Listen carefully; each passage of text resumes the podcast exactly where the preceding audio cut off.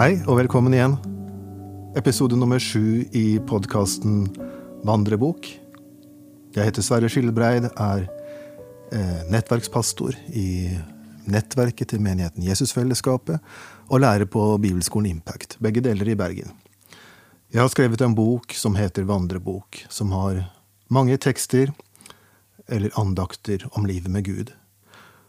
Og nå har vi kommet til det sjuende kapitlet i boken, hvor jeg skal lese en andakt som heter Følge ham. Eh, dette kapitlet heter Tro og tillit. Først eh, et lite sitat fra Matteus 4. Han sa til dem, Kom, følg meg, så vil jeg gjøre dere til menneskefiskere. Straks lot de garnet ligge og fulgte ham. Vi ser for oss de tomme fiskebåtene og garnene. Vi ser fiskekameratene og faren som sto forundret og så etter dem som gikk. De som forlot alt og fulgte Jesus. Vi fokuserer ofte på det ytre, hvor lang misjonstur vi reiste på, hvor mange år vi brukte i frivillig arbeid, eller hvor mange penger vi gav. Det kan jo være bra i seg selv, men å forlate alt og følge ham er først og fremst en indre forvandling. Der hvor din skatt er, vil hjertet ditt være, sier Jesus. Å følge ham rydder opp i hjertet ditt. Opprydningen handler mye om hva du bærer med deg.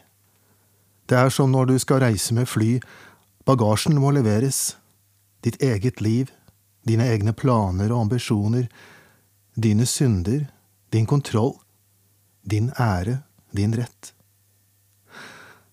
Du har kun håndbagasje med videre, men så oppdager du kanskje at dette var en bedre måte å reise på at å slepe på all bagasjen helt fram til avgang ikke var det du var skapt til.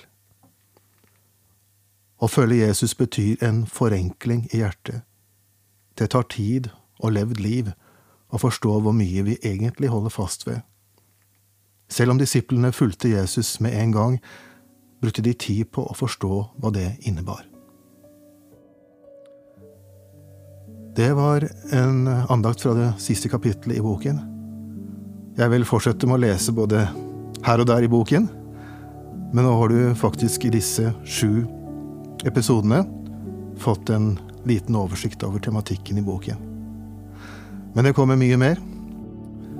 Podkasten heter altså Vandrebok, og boka kan du få tak i på Media Forlag på nettet, eller du kan høre i bokhandelen din.